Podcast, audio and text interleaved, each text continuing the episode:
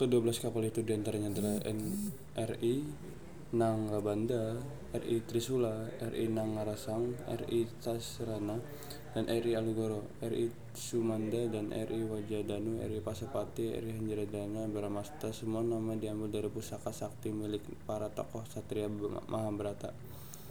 Dalam cerita pewayangan, semua kapal itu dipensiunkan sejak tahun 1970-an akhir.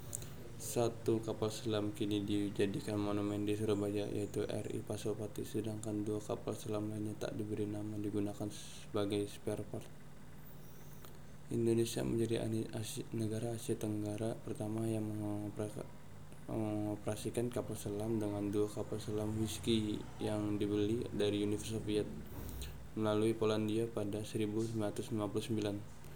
RI Cakra S01 dan RI Nanggala S02 baru tahu 1962 10 kapal selam kelas Whiskey menyusul seiring modernisasi TNI AL sepanjang 1500